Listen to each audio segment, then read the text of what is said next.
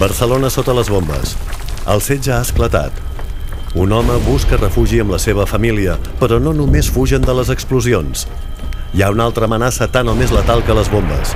Els seus enemics dins de la mateixa ciutat. Les tornes estan canviant i ara els vells repressors seran els nous reprimits. Com ho sabem, això? Vides. Memòria. Comunitat. Milers i milers de documents són els fils d'una xarxa de fets, testimonis i valors que formen el patrimoni col·lectiu del nostre passat i ens fan entendre el present. Benvinguts a l'Arxiu Nacional de Catalunya.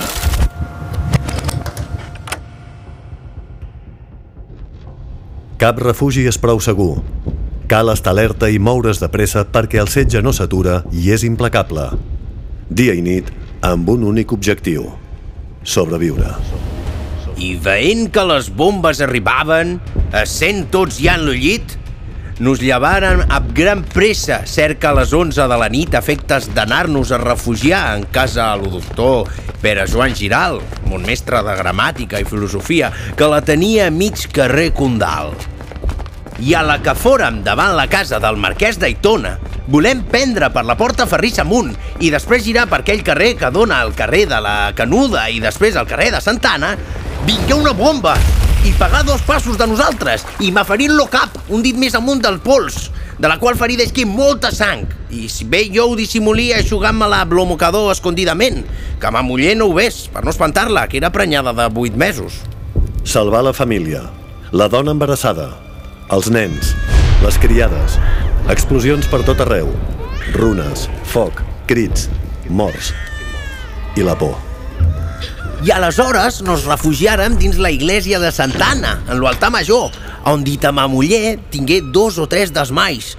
I lo canonge, don Josep Cortada, li donà una petita ampolleta d'aigua de la reina d'Hongria per olorar. I altres senyores la feren a jaure en un matalàs. I jo, dins la sacristia, m'arrentí la nafra amb l'obocador. I me l'aní jugant tota la nit amb dit bocador.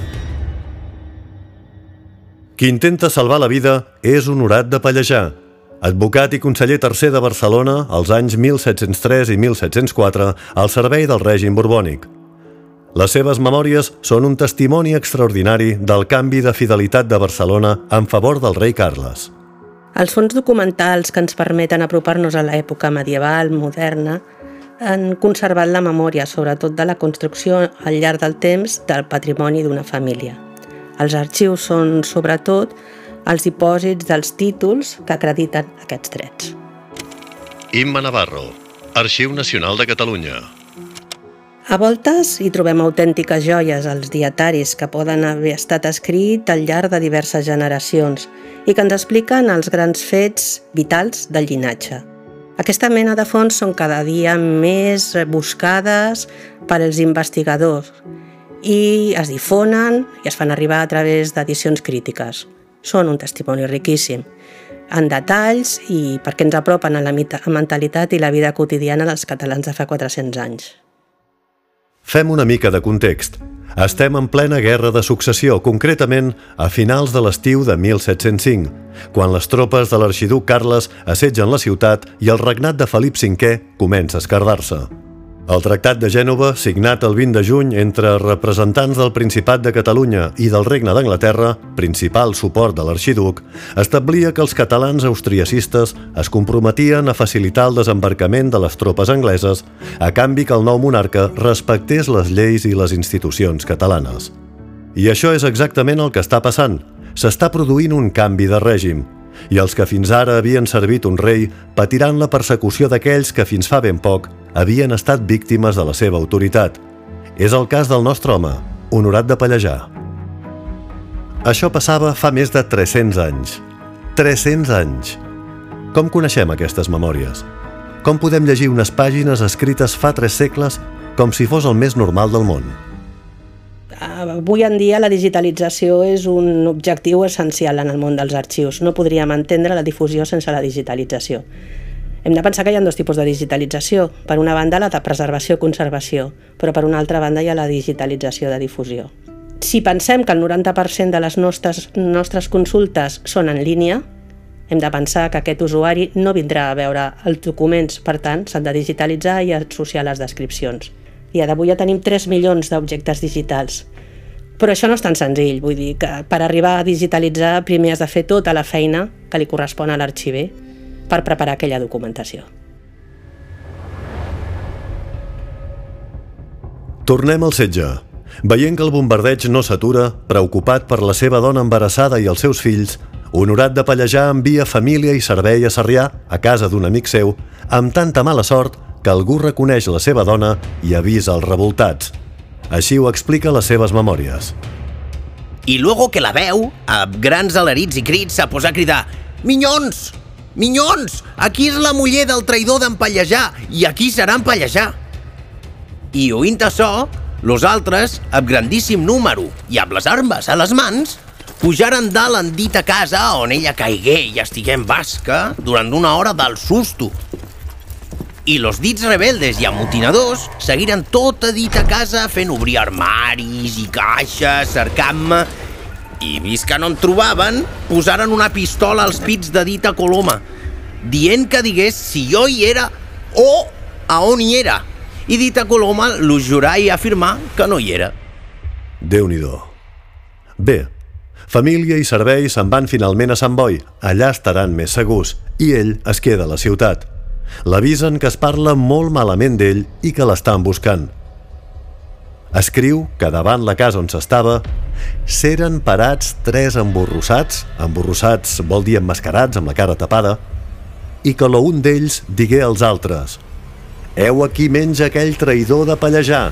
Venim al vespre i li farem patar un cop de carrabina. Així doncs, sentint-se amenaçat de mort, el nostre fugitiu passa els següents dies canviant d'amagatall per salvar la pell. Però les seves memòries no expliquen per què li tenen tantes ganes. Què ha fet aquest home perquè el vulguin mort? Anem un any enrere. Al maig de 1704, l'austriacisme, encara incipient, protagonitzava un primer intent de prendre el poder. Una flota de vaixells anglesos i holandesos de l'arxiduc Carles apareixia davant de Barcelona, confiant en un alçament i un suport de les institucions que no s'arribarien a produir. La reacció del règim borbònic davant del desafiament austriacista no es va fer esperar i va començar una escalada repressiva sense precedents, encapçalada pel virrei Francisco Antonio Fernández de Velasco i Tobar, més conegut com, senzillament, Velasco, al servei del qual tenim el nostre home, que, com aquell qui res, s'arroga tot el mèrit de la gestió de la defensa de la ciutat davant de l'amenaça austriacista. Mira-te'l ell. Quina barra. Un gran patrimoni no es construeix amb bona voluntat. Al darrere hi ha una política, una política que podem pensar maquiavèlica. És una política matrimonial i és una política testamental i és una política d'estar al costat del que mana. Per, per això, els nobles enriqueixen els seus patrimonis i els burgesos, a poc a poc, copien aquesta manera d'actuar dels nobles. Un peça, vaja. Bé, Apropiant-se tot el mèrit de la defensa de la ciutat, Honorat de Pallejà ofèn profundament el Consell de Cent, que el suspèn de les seves funcions. Però, ai las, el virrei Velasco intercedeix per ell i el rei el rehabilita. Per acabar-ho d'adobar, el virrei engega una sèrie de detencions d'alts càrrecs que culmina amb l'extinció de la Conferència dels Comuns, una institució d'altíssim relleu polític. Tot plegat genera descontentament general, terreny adobat per una nova revolta austriacista que ara sí, aquest any sí, culminarà amb l'adveniment d'un nou rei, Carles III. Total, que Honorat de Pallejà no és precisament un home gaire apreciat, així que quan el 9 d'octubre es consuma la victòria austriacista, sort en tindrà dels pactes de capitulació, perquè li permetran abandonar la ciutat amb el virrei i el seu sèquit de col·laboradors. Això sí, entre insults i amenaces dels partidaris del rei Carles que s'apleguen a escridassar-los en el seu camí cap al mar per embarcar. I a l'eixir a lo portal de l'Àngel, veren les vores del camí d'una i altra part, i en particular de la part esquerra, plenes de païsanisme amb ses escopetes al coll. I entre ells, hi havia alguns cavallers i ciutadans de Barcelona i juristes mesclats, los quals, en veure-me amb grandíssims crits i aleïts, deien «Bugre!» Altres «Ah, traïdor! Com ho pagaràs?»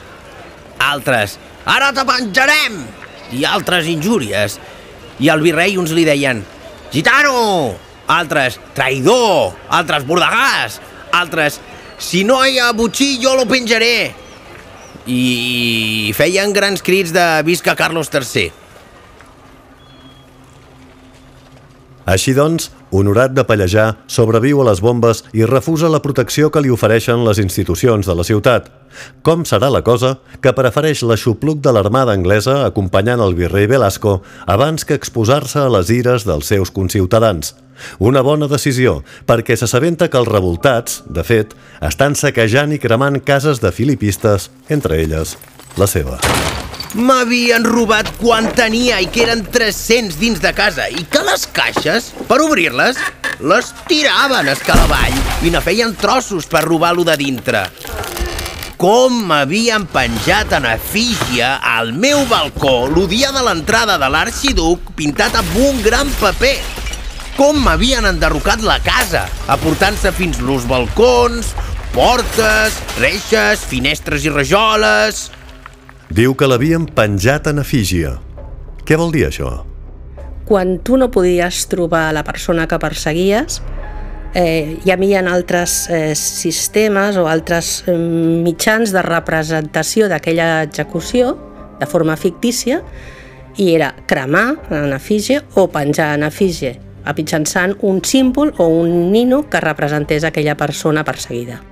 També hem de pensar que en aquest cas Honorat de Pallejà, que tenia molts motius per sentir por i per entrar en pànic, va poder sobreviure i sortir d'aquesta, però en altres situacions, en altres motins o en el corpus de sang del 1640 o en les bullangues del 1835 no va ser així.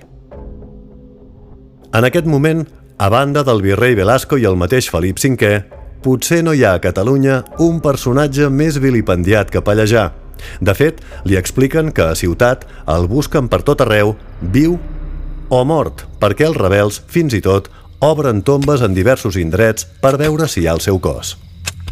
M'havien cercat dins les sepultures dels morts dels hospitals dels òrfans i misericòrdia, persuadits que seria amagat, i com en lo convent de Sant Francisco de Paula m'havien cercat dins les celdes i aposentos més obscurs. Amb aquest panorama, sap que només podrà sobreviure lluny del Principat. Objectiu, les terres del rei de França, en concret, Perpinyà. Així que abandona el vaixell en una llanxa, amagant la seva identitat, no sense abans acomiadar-se del virrei, que li adreça unes paraules d'allò més premonitòries. Creo que presto nos volveremos a ver y nos vengaremos de estos pícaros. Comença ara una llarga i tortuosa fugida plena d'amenaces i dificultats, des de les inclemències del mar fins als violents miquelets que són per tot arreu i el volen matar. A Palafrugell, una escapada improvisada a cavall el salva d'una mort segura gràcies a un avís. Ell digué, lo cas és que en la platja hi ha dos lleuts armats aguardant quan vostra mercè s'embarcarà per matar-lo i robar-lo. I que per això era menester partir-se'm a mitjanit, perquè l'endemà de matí se mouria un gros brugit cercant-me. Així doncs, una constant en el seu èxode és la pressa per arribar a Perpinyà. Normal, la seva vida està en perill, entesos, però hi ha una altra raó de pes. Resulta que encarrega un passaport fals i s'ha d'esperar uns quants dies fins que li portin. Mireu què escriu. I en dit temps que ell m'entretenia a pretext de guardar el passaport, jo me desesperava. Ja per los recels que amb tanta dilació jo no fos descobert, ja perquè temia que de los que eren eixits de Barcelona n'arribarien molts de primers a Perpinyà i que se n'aportarien gros sou. I jo me quedaria poc. Vaja, que pateix per no arribar a temps a Perpinyà per al repartiment de cadires i privilegis. Ja hem sentit com les gastava la noblesa i el seu proverbial i insaciable afany de lucre. En el seu periple, de vegades Pallejà utilitza els seus contactes perquè l'ajudin a arribar al Rosselló. En d'altres ocasions, no té més remei que pagar pel risc que suposa ajudar-lo o acompanyar-lo. A llançar, d'entrada, no el volen guiar per creuar a Cotlliure. L'ofadrí digué Qui és aquest senyor? Lo doctor Pallejà? És impossible lo passar, que tots els camins són previnguts de guardes per lo capità de Miquelets Menut. I jo, oint això, desesperat, veient-me quasi a la ratlla de França, pensí que lo que no pot lo diner no ho pot res. I digui, mira't que si em salva t'estrenaré bé. I pagant, Sant Pere canta, perquè estrenar, aquí, significa gratificar, pagar, afluixar la mosca, vaja. Assistit per uns, empaitat pels altres, amb grans patiments i superant tota mena d'obstacles, el 14 de novembre de 1705, just dos mesos després que comencés el bombardeig de Barcelona, Honorat de Pallejà arriba a Perpinyà, on la seva fidelitat incorruptible envers el rei Felip V i la seva habilitat per ascendir en l'escalafó borbònic es veuen recompensades amb nous càrrecs i prebendes.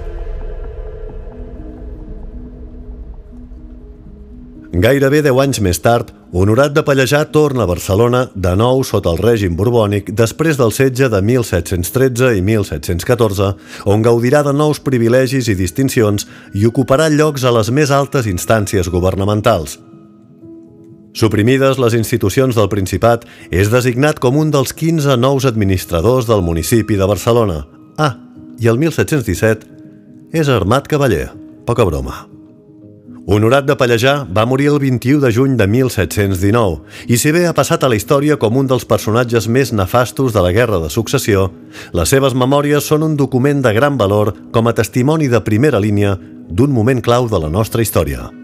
El dietari d'Honorat de Pallejà, amb altres documents rellevants per a l'estudi del període que conservem, sobre famílies com els dels Valls o els Casanova, va formar part de l'exposició organitzada per l'Arxiu Nacional amb motiu del tricentenari de la resistència catalana del 1714, l'exposició Nobles i Cavallers.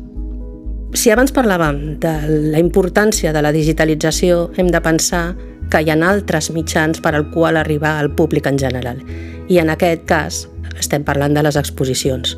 Exposicions en les quals l'arxiu pot posar en relleu i donar a conèixer documents originals que interessen al ciutadà. A les memòries d'Honorat de Pallejà s'hi pot llegir tota una declaració de principis. Diu així. Abandonaria cent mullers i altres tants fills que tingués i consentiria desmembrar-me membre per membre que no faltar a la fidelitat de mon rei jurat.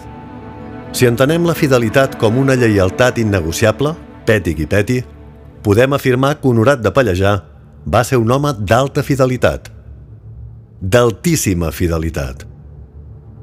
I s'ho va ben cobrar.